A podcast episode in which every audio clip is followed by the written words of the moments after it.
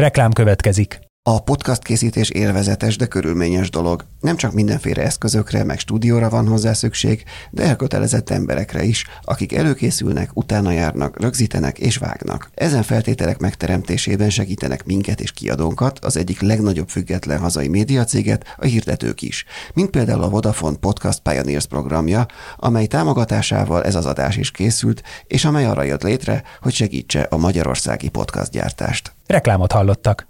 Hát sajnos a, az oktatás az, az, az nagyon vissza van maradva, ugye jöttek ezek az OK is képzések, és hát ez nem az a szakma, amit egy 8 hónapos tanfolyammal, vagy akár egy 12 hónapos tanfolyammal is, mert effektív, ha az a 12 hónap ilyen nagyon brutál, intenzív lenne, és azon a szinten oktatna meg olyan alapanyagokkal, akkor azt mondom, hogy még talán valamicskét. De, de sajnos ez nem erről szól, és, és, és az, hogy úgy osztogatják a cukrász bizonyítványt, mintha nem is tudom, cukorka lenne, hát azért ne. Azért nem, mert, mert attól még ő nem lesz cukrász.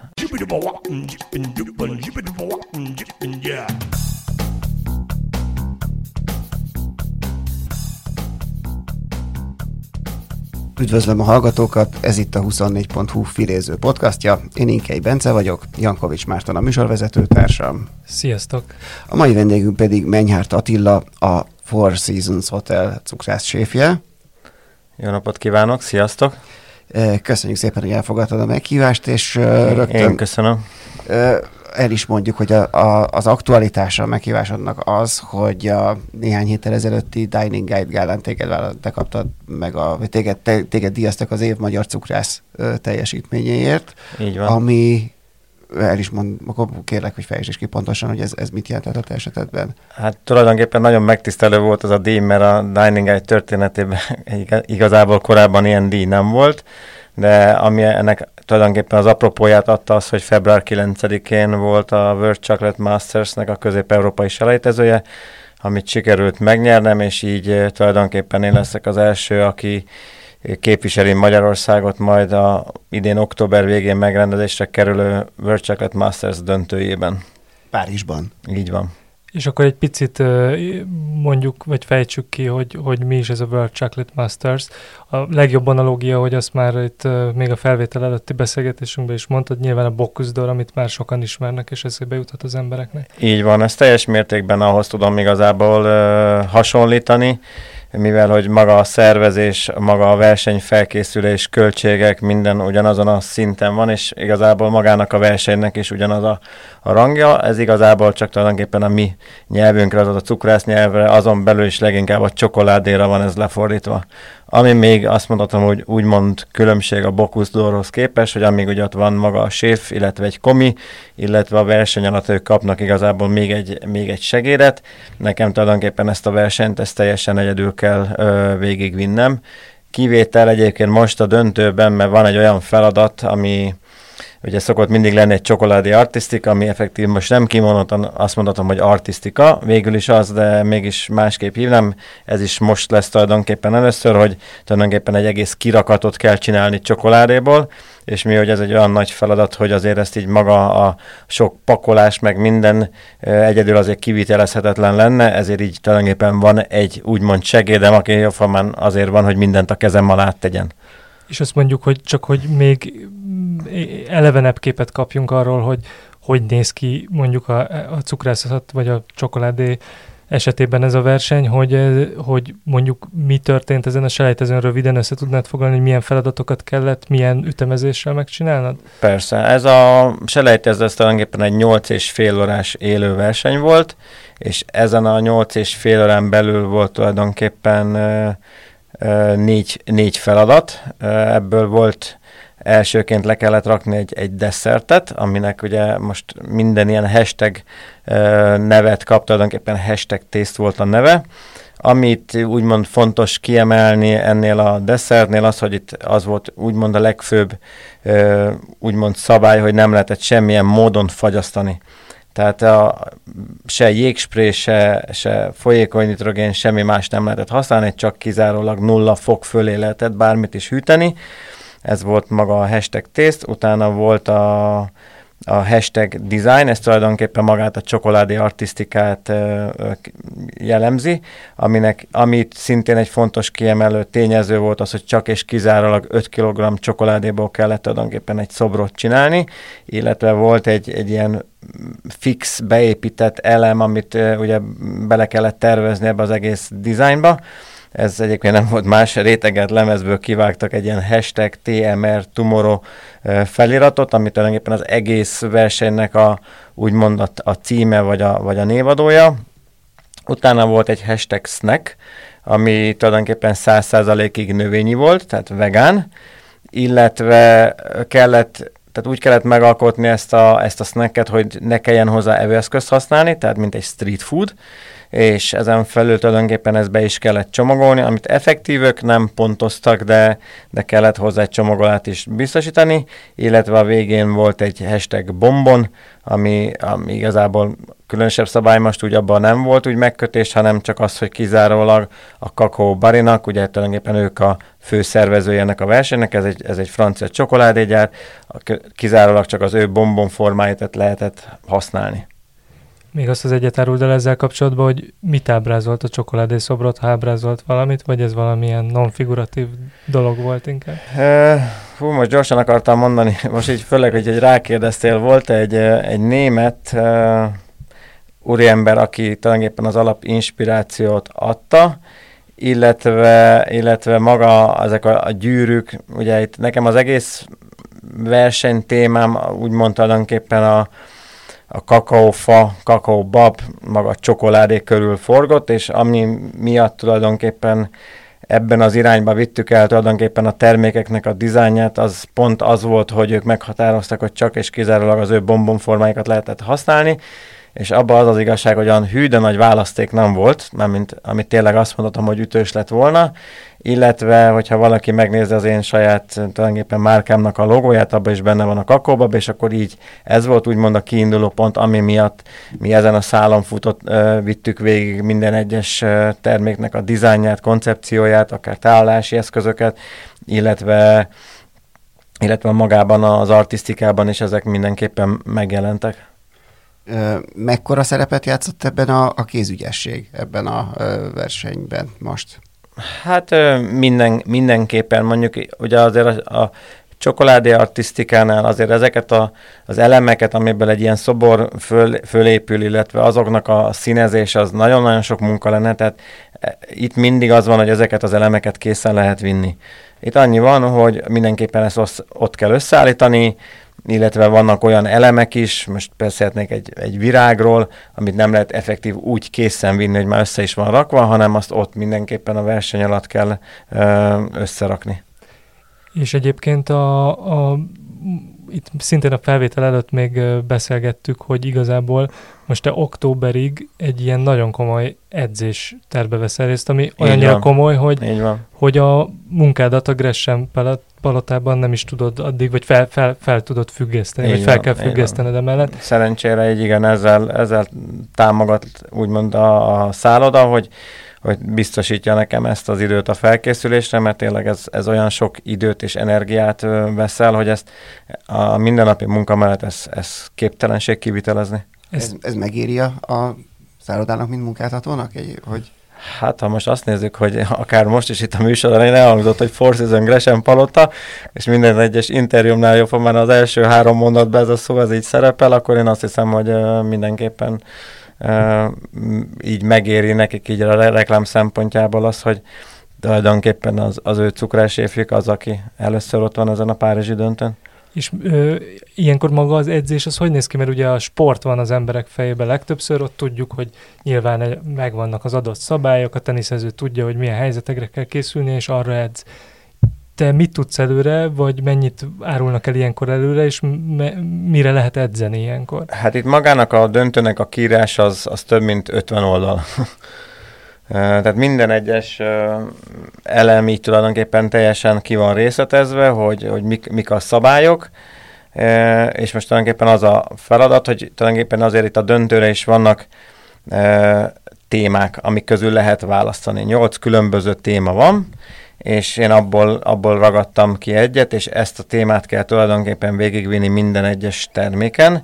Ugye volt bő egy hónappal ezelőtt, április végén volt egy úgynevezett bootcamp Barcelonában, amit kizárólag a döntősöknek eh, csinálnak, ahol, ahol látjuk azt, hogy mondjuk milyen lesz az a munkaasztalunk, mik azok a gépek, egy az, hogy találkozunk egymással, tehát nem majd a Párizsba fogunk először találkozni, ki volt rakva az, hogy mi lesz a desszertnek, illetve a bombonnak a tárolóeszköze, vagy akár a hashtag sérnek mi lesz most éppen a, a doboza, vagy hogy élőben most a, a kirakat, amit ugye be kell rendezni, az élőben mekkora, mert oké, okay, hogy le van írva, hogy 2 méter 47 centi magas, de azért amikor ezt úgy meglátod, és, és be, is, be is állsz, és fölrakod a kezedet, és még mindig a kezed tetejétől még van legalább egy 20-30 centi, akkor azt mondod, hogy uh, na hát ez egy szép kis feladat lesz, pláne úgy, hogy igazából ami itt fontos kiemelni ennél a kirakatnál, hogy, hogy annak, hogy ilyekorák a méretek, ennek az egész nagy kirakatnak, a központi elemének a bombonnak kell lenni, ami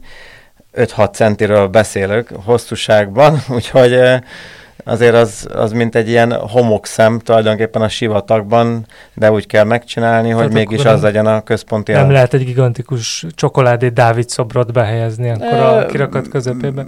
Be lehet, mert ugye azért ezt meg is kell tölteni ezt a, ezt a területet, tehát hogy, hogy mutatós legyen, ugye pont ez a lényeg, hogy kirakat, és hogy képzeljük azt el, hogy ez egy nagy ö, sétáló utca, és ugye az, az is a neve, hogy hashtag wow, ugye, hogy na minél jobban meghökölje az embert, hogy milyen kirakatot tudsz te csinálni, de mégis amikor ránézel a kirakatra, akkor valamitől azért mégis a bombonod legyen az, ami ebben a hatalmas nagy térben tulajdonképpen az a központi elem.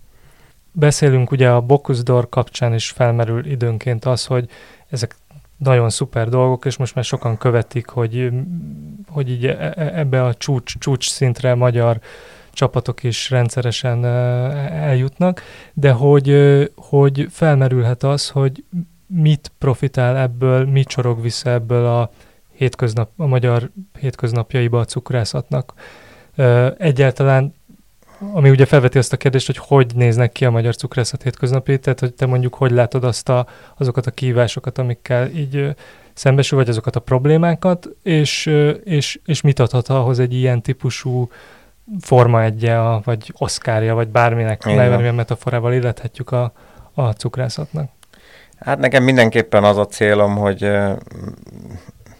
hogy magán ezt a, ezt a, ezt a szakmáját csinálom. Abszolút nem magamat helyezem itt ebbe előtérbe, hanem, hanem igen, anna bokuszosok körében elterjedt, hogy igen, ők ezt ők megteremtették maguknak, ezt láthatjuk azt, hogy ez mennyit segített a gasztronómiának országszerte. Ma holnap remélhetőleg akár üdvözölhetjük akár az első Michelin csillagos éttermet vidéken is, tehát nem csak Budapesten.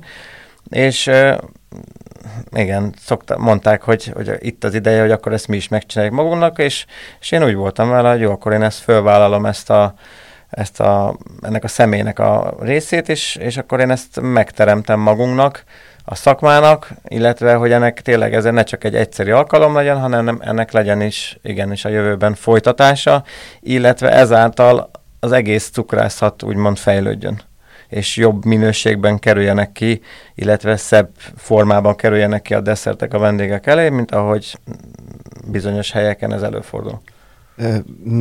Pár évvel ezelőtt volt veled egy interjú, ahol, ahol eléggé egyértelmű lefestetted, hogy milyen problémák vannak a magyar cukrász képzéssel, és úgy egyáltalán itt van a, a szakmában, de akkor, akkor még azt mondtad, hogy te ugyan akkor nem érzed a feladatodnak, hogy ezen változtass, hanem te inkább a saját...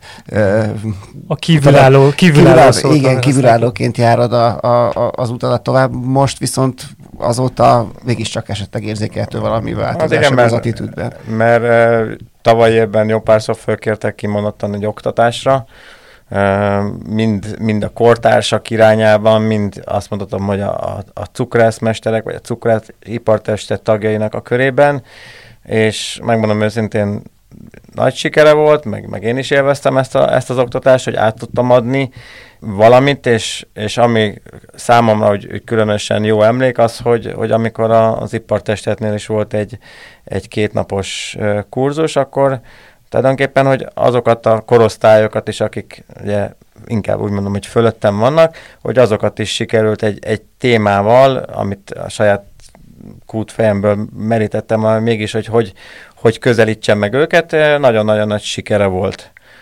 És magamat mutattam be, de mégis az ő szemszögükből, és, és így úgy voltam vele, hogy így valószínűleg ők, könnyebben fogják tudni ezt értelmezni, és, és magukévá tenni, és ezáltal segítve tulajdonképpen az ő, ő fejlődésüket, illetve tanulásokat.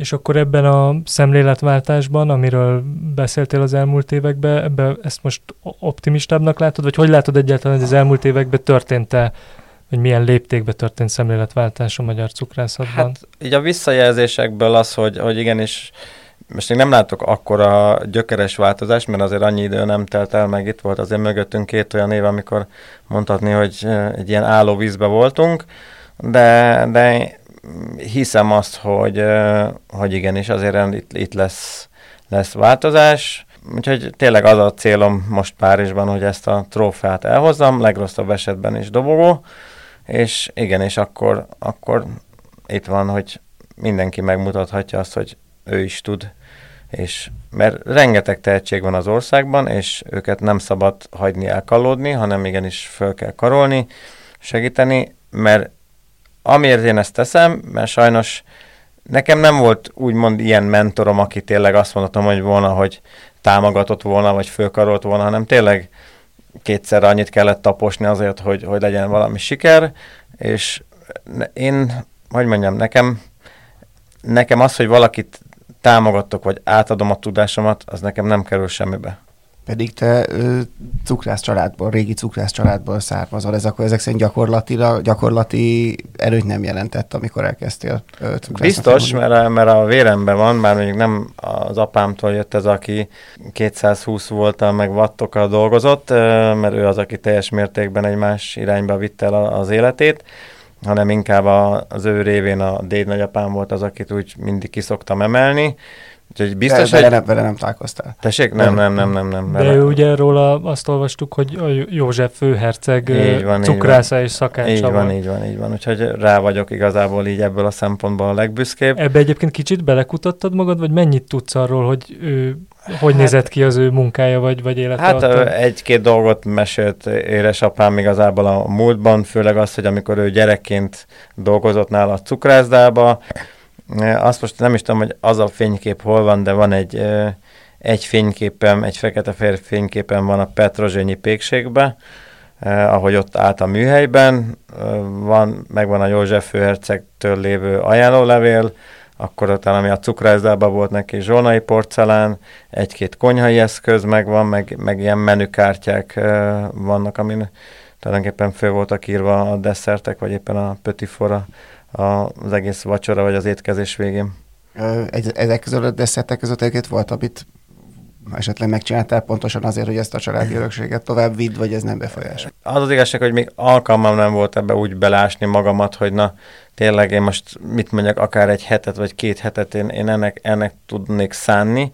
Sajnos erre, de bízom benne, hogy a közeljövőben, vagy inkább távolabb jövőben, mert most el leszek foglalva fél évig biztos, de hogy utána azért csak lesz úgy kimondottan alkalom, amikor előveltem azt a régi receptes könyvet, és valamit tényleg ki tudok próbálni, vagy esetleg egy kicsit továbbvinni. Ugye ott tartottunk, mikor rátértünk erre a kis visszaemlékezős vonalra, hogy neked nem volt annak idején olyan mestered, amit, ami, ami szerinted nagyon tud segíteni a pályainduláskor. Ugye te elég fiatalon, most nem tudom pontosan hány éves voltál, 21. mikor külföld, 21, 21. amikor külföldre mentél. Hogy, hogy jött neked ez a belátás? Mert ez azért egy bevett dolog, már elég régóta, hogy elmegy világot látni valaki, aki egy szakmát tanul és megnézi, hogy csinálják ez a világba, de nek, te, te hol érezted meg azt, hogy ezt így nem tudod Igen, Magyarországon? 90-es években azért még nem volt akkora divat ez, ha jól Hát abszolút nem, csak nekem az nagyon fájt valahogy, amikor az ember a havi fizetéséből alig várja már, hogy mikor jön a második, és mondom azért így, így nem lehet semmit sem megalapozni, meg, meg egzisztenciát építeni, és, és mondtam, hogy én valahogy el akarok jutni egyről a kettőre, vagy kettőről a háromra, és én ezt így folytatom, hát ez, ez, ez csak így egy helyben fogok csak igazából toporogni, és hát kellett valami kiút ebből, amivel azt mondhatom, hogy, hogy lehet előre menni, és akkor nagyon más választás nem volt, mint az, hogy volt két, abban az időben volt két ilyen hajós ügynökség, és akkor elmentem Szép Sándor úrhoz, és igazából nem volt egy, abban az időben nem volt ez így kiforva, na, hogy én most hm, holnap én felszállok a hajóra és megyek. Igazából tényleg csak egy ilyen információért mentem be, hogy ha, ha úgy döntenék, hogy mennék, akkor mit kell ehhez tenni, és a Sanyi volt az, aki, aki tényleg csak így lazán mondta, hogy jó, hát akkor holnap ezt és ezt és ezt vigyem be. Én meg, hát ha kérted, akkor hát beviszem. És aztán utána mondta, hogy nem is tudom, kedden, hogy menjek egy Seaborn Cunard felvételire. Elmentem, azt gondoltam abban az ide, hogy hú, hát az én angolom ez, ez biztos jó, azt rájöttem hamar, hogy hát ez sok mindenre nem elég. de ennek ellenére igazából sikerült a felvétel, és szinte egy hét leforgás alatt megtudtam, hogy fel is vettek a, az egyik céghez.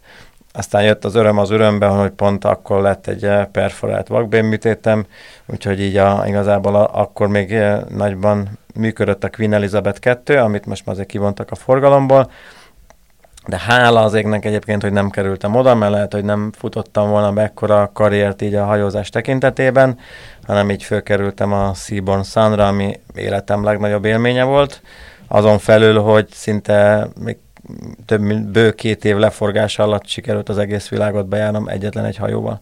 De ilyenkor nekem zenész ismerőseim voltak ilyen, ilyen, ilyen típusú Nekik jobb sorsuk van. Igen, de hogy ezt akartam kérdezni, hogy bejárod, bejárod a világot, van. de láttál is a világból, igen, akkor valamit, igen, vagy inkább igen. a konyhából láttál? Nem, az az igazság, hogy mindig mondták, de úgy irigykedtek, hogy mindig azt mondják, hogy legközelebbi szerződésemben cukrásznak jövök, mert egyszerűen annyira jó meg volt szervezve a hajó, hogy, hogy a lehető legtöbb szabadidőm nekem volt. Aha.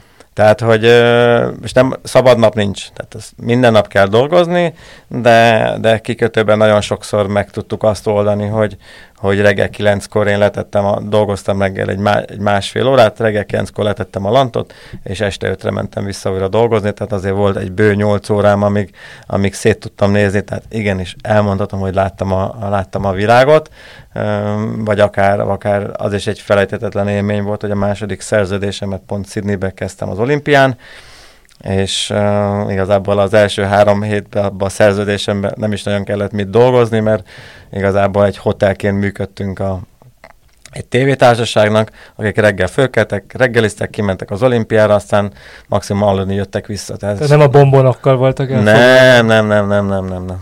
És uh, egyébként, de akkor neked mennyire volt uh, kulturális sok, hogy kikerültél az itthoni tudásoddal egy hajóra, ahol gondolom a somlói galuskát, meg a dobostartát, meg ezeket már tudtad hát, egész profint csinálni, de ott meg másra, más kértek. Más kértek, de jó volt, mert effektív a konyhának is a séfje, meg az én séfem is egyébként osztrákok voltak, tehát azért ők, ők tudták a, a dolgokat, és, és igazából maga a teljesítmény volt a lényeg, hogy az ember mit tesz le az asztalra, és ők ezzel maximálisan meg voltak elégedve, annyira, hogy, hogy tulajdonképpen a harmadik szerződésemben, amikor a, a séfem elment szabadságra, akkor tulajdonképpen én vettem át a posztját, és az volt az első, hogy igazából promotáltak engem séfé, és onnantól kezdve, hogy sajnos azt a hajót egy másik cégnek transferálták, onnantól kezdve tulajdonképpen én nekem már megmaradt végig ez a séf pozíció, és abban a vezetőbeosztásban tudtam bármelyik másik cégnél dolgozni. És utána hajózás után pedig több európai országban is dolgoztál, cukrászdákban, illetve szállodákban. Így van. Uh, és hol ragadt, mert most már úgy, úgy uh, apostrofálnak téged, mint aki a francia iskolát követi, a francia cukrász iskolát. Az hogyan sajátítottad el, hogy mennyire, vagy, vagy hát, szóval, hogy alakult így? Igen, amikor leszálltam a hajóról, és először akartam úgymond fix talajt érezni a lábam alatt, Írországba mentem, ami nem kimondottan a cukrászatról szólt, de, de azt mondhatom, hogy egy e, vezető beosztás vagy menedzseri szempontból tekintve nagyon-nagyon hasznos volt, de aztán e, rájöttem, hogy azért, azért az én világom mégiscsak a konya, úgyhogy irány vissza, fölvenni a séfkabátot és, és dolgozni, és igazából a Londonban nagyon sok e, hat, tehát nagyon nagy hatással van rá tulajdonképpen a francia konya, egyes, hogy közel van ugye Franciaország, alapanyagok tekintetében, nem tudom, hogy most így a, hogy kiváltak az EU-ból, most mindegy, mármint az alapanyagok tekintetében, de gondolom, hogy nem lehet gond, csak nehezebb maximum beszerezni, de, de a gasztronómia részén hatalmasan fejlődött egyébként akár szállodákon belül, éttermeken belül ott úgy a gasztronómia, úgyhogy nagyon sokat lehetett tanulni, rálátni, ott, akivel, akikkel én dolgoztam, még korábban ugye mondjuk Párizsban voltak, vagy Franciaországban, úgyhogy így persze az ember rengeteg inspirációt és ihletet kap abban, abban az irányban, ami, ami nekem nagyon-nagyon szimpatikus volt, mint színvilágban, ízekben, alapanyagban, és, és ezzel tudtam, tehát a, a szépséggel, illetve a minőséggel tudtam leginkább azonosulni, és ezért nekem ez, ez ragadott meg a legjobban. Ebbe a cukrász filozófiába majd még mindenképp menjünk bele, csak még ezzel a karrierutaddal, vagy pályaiveddel egy utolsó kérdés, hogy akkor térjünk vissza veled együtt ide Budapestre, hogy ez hogy jött tehát neked? Ez mindig is benne volt a pakliban valahol hátul, hogy te majd vissza akarsz jönni Budapestre, nem, abszolút, vagy Magyarországra? Abszolút, abszolút nem. Vagy így, így adódott, és akkor már beleálltál? Nem, 13 év után jöttem először haza, de valahogy az az igazság, hogy a kinti mentalitás után valahogy nem tudta igazából a gyomrom befogadni azt, amivel itt, itt néha szembesülnöm kellett, és igazából még két évet se húztam ki akkor, de viszont dolgoztam egy, egy svájci séffel, az egyik szállodában, aki, aki nagyon-nagyon invitált, hogy hát, hogy menjek én is, mert hogy alig vannak úgymond jó cukrászok Svájcba. Vagy És ez akik, igaz? Ez furán, furán furcsán hangzik. Hát leginkább, a, inkább, tehát ugye azt ne felejtsük, hogy a Svájcban van az olasz rész, a német, meg a, meg a francia. A francia részen inkább. A német részen kevésbé, és tehát ő nem az, hogy most segített nekem, vagy biztosított nekem egy munkáját, de hogy, hogy nagyon ezt így mondogatta nekem, hogy hú, hogy tegyél, menjek ki, és akkor hát hú, mondom, hát Svájc azért nem egy rossz hely, próbáljuk meg, és um, szerencsére sikerült igazából egy akkor elkészülő szállodának a séf pozícióját megszerezni, annak kellene, hogy igazából nagyon régen tanultam németül, és a német tudásom az, az szinte nullára lekopott, nem is beszélve a svájci németről.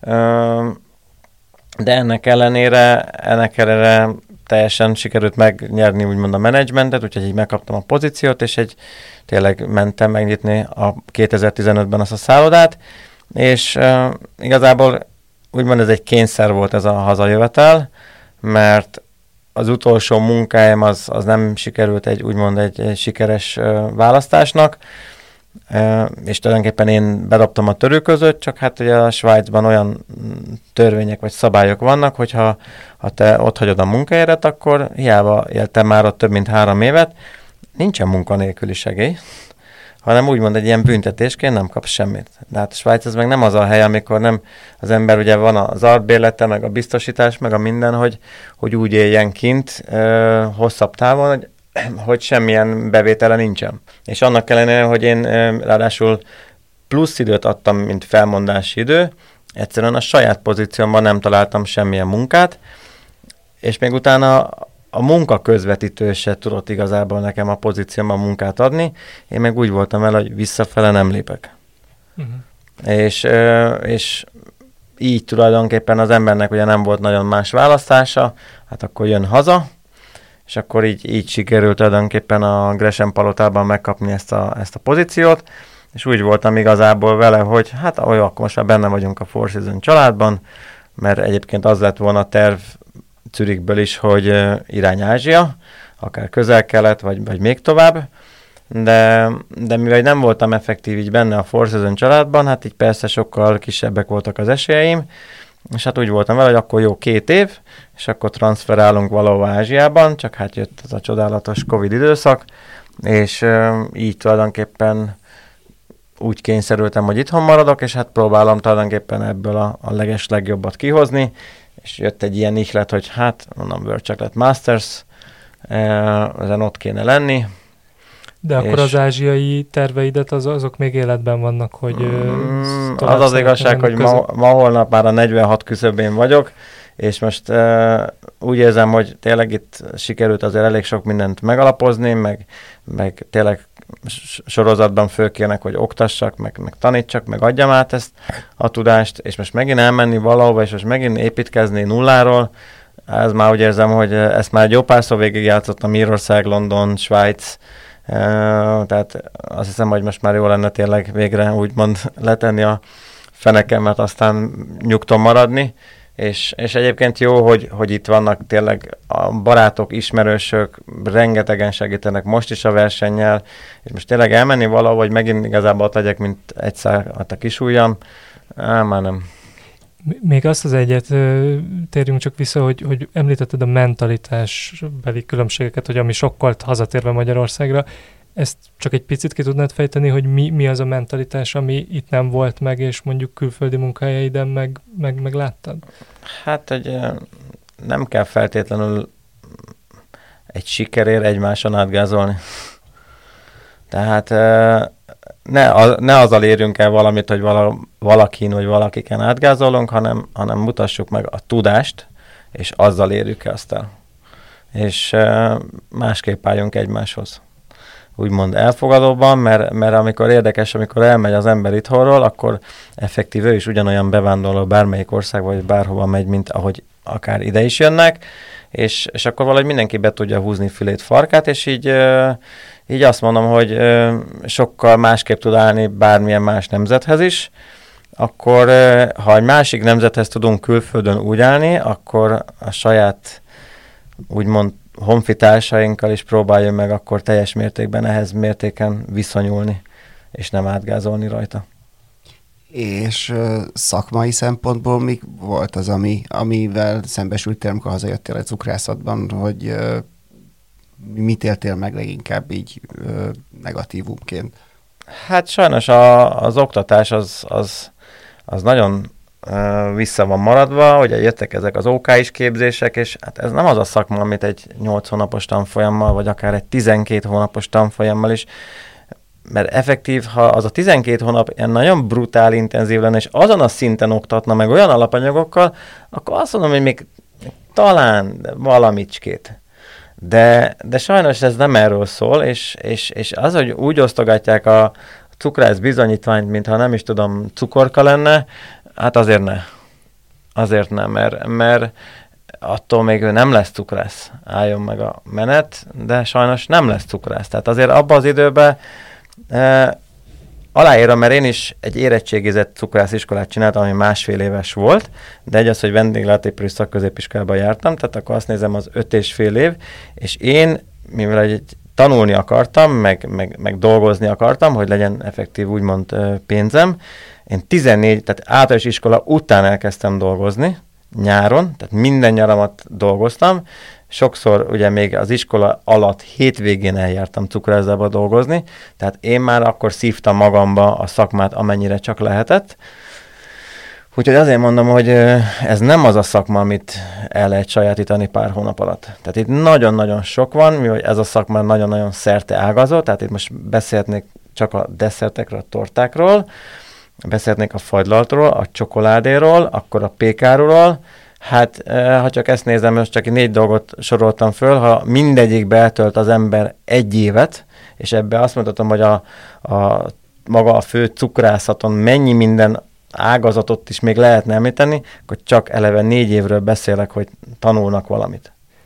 És azt egyébként mennyire látod, hogy az igény vagy a közízlés mennyire válik vevővé vagy nyitottá, vagy mennyire érzékeli azt, hogy adott esetben az, amit megszoktunk és természetesnek veszünk, és akár a hagyománynak gondolunk, az, az egy gyengébb minőséget takar sokszor, mint ami mondjuk a világ más részein jelen van a mindennapokban, akár most nem a fine diningról beszélek csak, hanem a hát, hétköznapi... El szoktam mondani, hogy nagyon fontos lenne tulajdonképpen mindig azt mondom, hogy a magyar nyelv egy mennyire kifejező dolog, hogy vendéglátás, tehát, hogy azért régen, ahogy foglalkoztak a, az éttermekben a, a felszolgálók, pincérek a vendéggel, nem árt igazából tényleg beszélgetni a vendégekkel, informálni őket dolgokról, informálni őket alapanyagokról, hogy mondjuk akár most valami miért kerül annyiba, amennyibe, miért néz ki úgy, miért olyan a színe, mert ők nem tudják.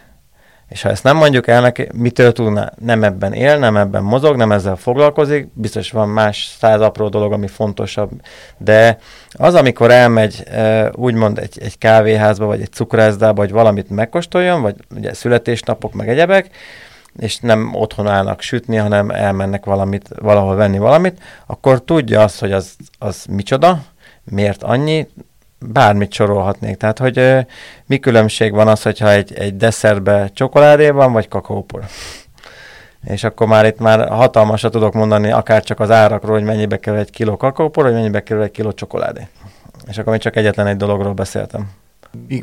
Beszéltél egy interjúban arról is, hogy, hogy például a olyan ilyen, ilyen típus hibák vannak, amik nagyon sokan például az oktatásban az, azt úgy tanulják, hogy margarinnal Kisejt, kisejteném a számon egy iskolában azt, hogy margarin. Uh-huh. Tehát ha vegánokról beszélünk, akkor igen, amúgy nem. Tehát a, nálunk a szakmában az vajnak hívják, és nem margarinnak.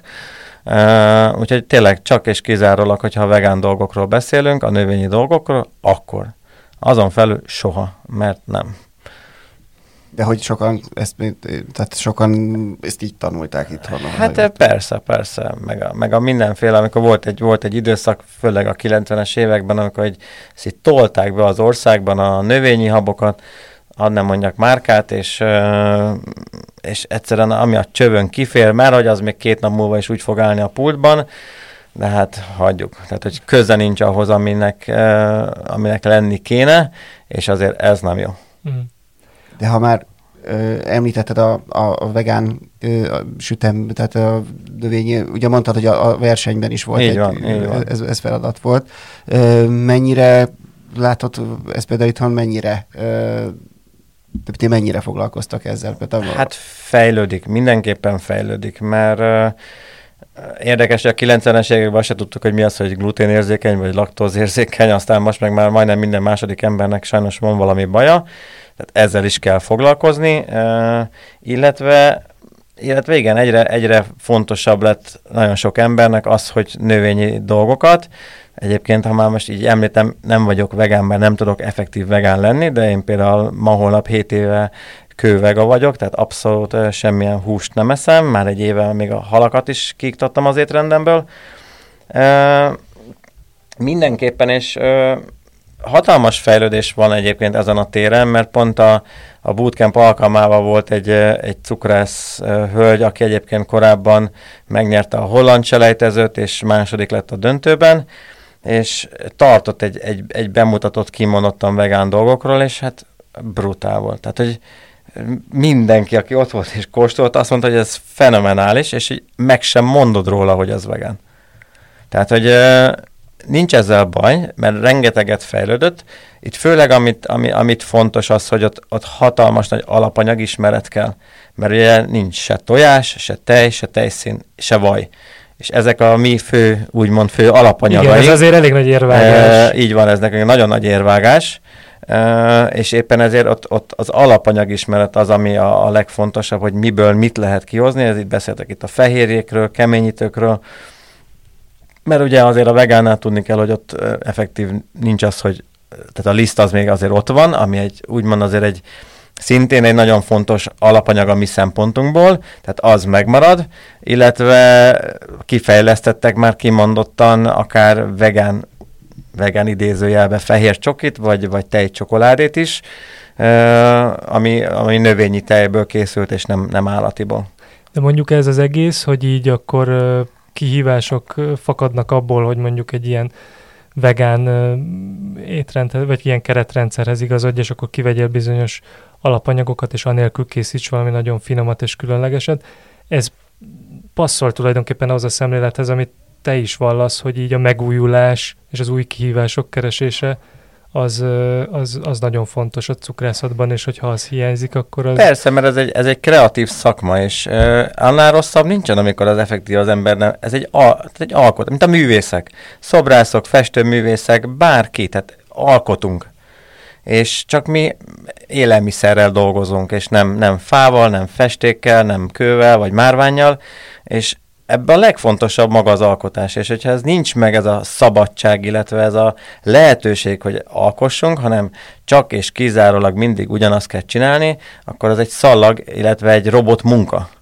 De ez, ez, ez egy, mondhatom azt, hogy egy művészet. A, a, a séfeknél is, igen, és az ő szakmájuk is egy művészet. Ha most megnézem a Bokusz, hogy ott mit raknak ki, igen, ez egy művészet. Egy művészeti szint. Tehát, hogy nem a, nem a vasárnapi ebédről szól, tehát nem a, a rántott húsról, vagy a, vagy a bablevesről, hanem, hanem igenis gyönyörű, gyönyörű dolgokat lehet az élelmiszerekből, az alapanyagok, zöldségek, gyümölcsökből, bármiből előállítani. Ami nekem nagyon érdekes volt, hogy azt te mondtad is valahol, hogy te kifejezetten vizuális, tehát egy képpel indulsz a fejedbe, és ezeken agyalsz először. At, attól függ, hogy melyik. melyik attól függ, hogy melyik. De hogy van, van olyan, hogy nem, alap, nem, nem, egy, nem, nem az alapanyagokat nem, nem, találod nem, ki, nem, hanem nem, egy, nem. egy kép jelenik meg előtted, mint egy festőnél. Tudom. Így van, hogy, hogy mit, mit szeretnék látni, hogyha az, az elkészül. Ami, ami sok esetben azért még azt mondom, hogy amikor először mégis meglátom élőben, akkor a, nem nyeri meg úgy a tetszésemet, és persze az ember csiszol rajta, de, de úgymond a a desszerteknél, amit a pultba teszünk, ott igen,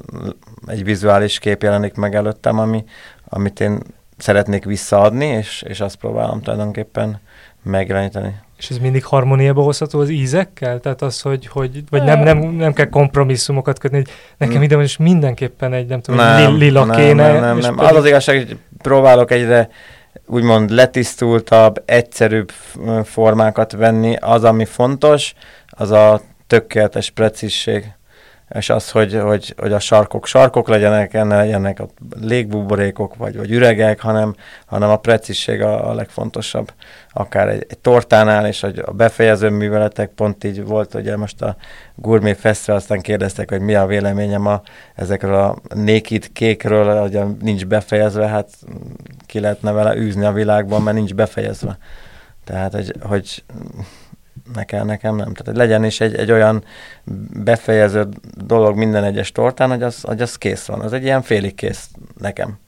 És ahol, arról mit gondolsz, hogy, hogy most így, hogy, többek között a közösségi médiának köszönhetően, és most már azért ö, meg utazásnak, meg ugye egy, egyébként is ö, most már jóval divatosabb itthon is a francia ö, cukrászat, vagy ö, itt is nagy divat volt, vagy most is az, hogy mondjuk muffint vagy brownie süssenek az emberek, és hogy mennyire veszélyezteti ez a klasszikus, vagy a tradicionális magyar cukrászatot, vagy nem hiszem, meg, meg nekem, nekem nem az a célom, hogy én ezt veszélyeztessem tulajdonképpen a magyar cukrászatot, meg nem az a célom, hogy kortársakat ö, formáljak mindenkiből, abszolút, ez messze áll tőlem. Egyébként, ha most így felhoztad a muffint, vagy mondhatom, hogy cupcake akkor pont Zürichben volt egy ilyen úgymond kihívás, hogy a, a menedzsment az mindenképpen cupcake akartak látni, meg mondom, atya úristen, mondom, jobb dolgot nem tudtatok volna választani, és igazából összeötvöztem a, a cupcake a, a saját magam stílusával, és egy nagyon jó dolgot sikerült igazából kihozni, és azóta azt mondhatom, hogy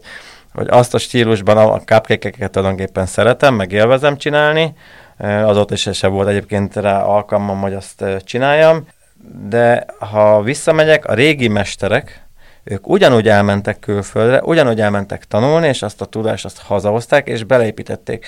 És e- effektív, száz évvel ezelőtt pont a magyar cukrászat az világelső volt a franciával, tehát azért a régi magyar cukrászat, tehát ott van, most mondhatom, hogy Párizsi krém, hát miért lett Párizsi krém? Tehát meg, meg a minyon, tehát a, azért megjelennek azok a dolgok, és nagyon sok technológiát, meg nagyon sok mindent hoztak haza abban az időben külföldről, lásd Franciaországból, tehát persze így azt mondjuk, hogy magyar, meg ugye ott volt azért osztrák-magyar monarchia, megjelent a, ugye a Záher torta, és akkor melyik kihez tartozik, az Záher a miénk, vagy az osztrákoké, de hát ugye tudjuk, hogy a Záher az osztrák, a dobos az magyar, az Eszterházi az magyar, ott is mindig el szoktam mondani, mert a, sajnos az országnak a nagyon nagy százaléka tévhitben van az Eszterházi tortával, hogy az dió, diós torta közben sose volt, eredetileg nem diósnak készült, hanem mandulásnak, de hát sajnos itt is a, pont az ár, ahogy változott a dió és a mandulára, ez így szépen átalakult, és már a köztudatban az van, hogy az dió, pedig eredetileg köze nem volt a dióhoz. Úgyhogy igenis, én szeretem a magyar cukrászat, szeretem a jó igazi somlóit, az igazi dobostortát, de akkor ahogy ezt a dobos C. József azt megalkotta, akkor legyen az, az olyan, mert az tényleg, tényleg isteni finom, az bármikor, vagy, a, vagy az Záher torta, vagy az Eszterházi, és ezekkel nincsen egyébként probléma, csak legyen úgy megcsinálva, hogy azt, ahogy azt meg kell csinálni. Nálatok amúgy ott a Gressenbe mennyi magyar vendég van, vagy most ez ugye... Egyre, egyre több. Egyre több. Egyre több, főleg így most, hogy a Covid miatt azért nagyon-nagyon sokan vannak, akik betérnek, és hát így mindig is próbálom, mert nekem az úgy azt vettem észre, amikor hazaköltöztem, és elkezdtem dolgozni, hogy így, hú, Gresham Palota ilyen nagy, nagy évbe kikerülik bele, hogy az biztos itt minden horror áron van, és, és mindig így föl kellett világosítani az embereket, hogy nem kell tartani, higgyétek el, nem mi vagyunk a legdrágábbak a városban, és, és azóta azért egyre, egyre bátrabban vannak úgy az emberek, hogy igenis belépnek a Gresham palotába, és akkor bemennek a kollásban egy, egy desszertre, vagy egy kávéra, vagy egy teára, vagy akár ebédelni, vacsorázni. Még visszatérnek az előzőhöz, hogy mondtad, hogy, hogy, hogy, hogy akkor úgy kell csinálni a zsomlóit, vagy a dobostortát, ahogy az, ahogy az kell. Ha mondjuk valaki most ezt így hallja és kedvet kap hozzá, akkor, akkor hol, hiszen fölmegy az internetre, nálunk, van százféle recept Csak ajánlom itt a somlóit. Jó, hogy effektív, persze azt mondom, hogy kicsit mi azért abba belenyúltunk, de a dobost azt egyébként, ha, ha, amikor így volt is, az, az vagy amikor volt esetleg egy banketre szoktunk, mert oda sokszor kérték, vagy brunchra, akkor teljes mértékben az eredetit szoktuk csinálni. Van, amihez egyébként hozzányúltam, mert nem mondom, hogy nem, vagy nem csináltam egy, úgymond egy ilyen kortárs verziót, mert valahogy nekem ez úgy, ez így belülről ilyen zsigerből jön, hogy valami ez mindig mit lehet ebből kihozni, vagy merre lehet ezt elvinni, de, de megmondom őszintén, a dobosnak is csináltam már egyszer egy ilyen úgymond 2.0-es verzió, de az az érdekesség vele, hogy, hogy igazából az eredetit én beleépítettem úgy, ahogy van. Csak igazából még, még tettem hozzá egy, egy, egy, egy kicsit, és, és, és azzal, vagy hogy, vagy hogy nem effektív, nem úgy csináltam meg a tetejét, hogy olyan vastagon volt rajta, hanem egy, egy, inkább egy ilyen, ugyanúgy meg volt ez a karamell, csak egy, egy lehelet lap formájában, hogy ne ragadjon mondjuk az ember fogába bele az a vastag cukor hanem, hanem sokkal kellemesebb és élvezhetőbb legyen. És te, amikor nem a konyhában vagy, ahol gondolom kóstolnod kell a, a alapanyagokat, meg amiket csináltok, meg minden, tehát amikor nem munkából, te mennyi édességet eszel a hétköznapokban? tehát akkor ezt szereteted, nem, de, nem úgy vagy, mint hogy, hogy a egy, ha hazamegy valaki, vagy szóval, nem, hogy, hogy már amikor a munkád a szenvedélyeddé válik, akkor egy idő után már nem tudsz rá máshogy tekinteni. Hát ez, ez, az, ez szenvedély, ez teljes mértékben szenvedély, tehát ez, ez egy olyan dolog, amit másképp nem is lehet csinálni. Tehát ezt nem szenvedélyet csinál, akkor inkább hagyd abba. Tehát van ilyen ebbe, bocsánat, van ilyen ebbe belefér olyan is, ami, ami nem, ami, itt tudom én, tehát volt itt olyan, volt, volt itt olyan uh, séfünk is, aki azért árult, hogy id, időnként McDonald's-be is betér, és hogy szeretné. Én neked, soha. Neked nincs is olyan ilyen jellegű édes, édesekben sincs nem, ilyen bűnös? valahogy a, a, ezek a, ez a fajta gyors, gyors kaják engem abszolút hidegen hagynak. Megmondom őszintén azért úgy bármennyi szeretem az édességet, a táplálkozásban nagyon odafigyelek úgymond a, a sok zöldség, egészséges dolgokra, de hát persze nagy a, nagy a kísértés, ugye megjelentek a jobbnál jobb kovászos pékségek, elég sokukat ismerem személyesen, és törzsvendég vagyok mindegyiküknél, úgyhogy uh, szeretem a jó croissant, uh, a jó süteményt, fantasztikus csokoládék vannak már itthon, ugye a Bintubár készítők által, egyszerűen fenomenális, amit ők, ők csinálnak, és, és azt kell, hogy mondjam, hogy nem, nem szabad nyúlni ezekhez az olcsó kommersz csokoládékhoz. Tudom, hogy, hogy többe kerül, de az az íz élmény, amit ezek a csokoládék nyújtanak, ez nem lehet semmivel se összehasonlítani, és, és csak ajánlani tudom, hogy az ember igenis kóstolja meg, mert mindig mondtam, hogy a csokoládé az olyan, mint a kávé, hatalmas egy játszótér, hogy mit lehet tulajdonképpen egy adott uh, faj, kakaóbab fajtából uh, kihozni. Ugyanez vonatkozik, ugye megjelentek a rengeteg új hullámos kávézók.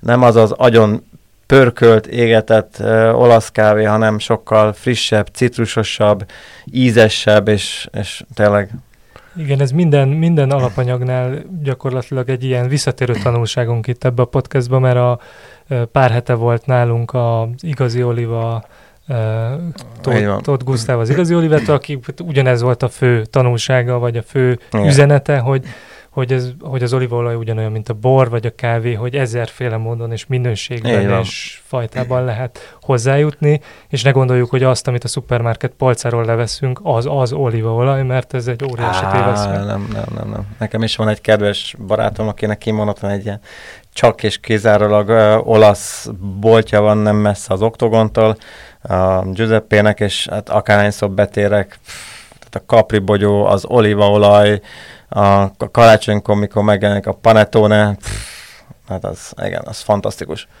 Panettone recepted már készen van? Mert valahol olvastam, hogy ez a... Az, nagyon, nagyon, az nem egy egyszerű dolog, tehát megmondom őszintén, hogy na ez az, hogy, hogy mindig lehet tanulni, és az nekem egy nagyon nagy kedvencem, és uh, még mindig szívom be tulajdonképpen azt a fajta tudást, mert az az igazság, hogy el is engedtük, én akartam mindenképpen próbálkozni a szállodába, hogy készítünk, de sajnos a körülményeink azok nem olyanok, ahol én azt mondom, hogy ezt úgy, úgy bevállalom, de remélem, hogy lesz arra is ugyanúgy alkalmam, hogy azt, azt teljes mértékben tudjam csinálni, mert az egyik, egyik nagyon nagy kedvencem a panettone. Na hát akkor gondolom Panettone ö, szám nem lesz a... Nem, az nem. World Chocolate Masters nem, versenyen, nem. de akkor majd utána folytathatod a, a, addig pedig akkor jó felkészülést kívánunk. Nagyon a szépen köszönöm, köszönöm a meghívást. Versenyre, októberben pedig majd szurkolni fogunk. Nektek köszönjük, hogy hallgattatok most is a Filéző podcastot, tegyetek továbbra is így. Az adásainkat megtaláljátok a 24.hu-n, illetve a Spotify-on, vagy bármelyik streaming felületen, ahol podcastek vannak. Sziasztok! Sziasztok! Köszönjük szépen, sziasztok!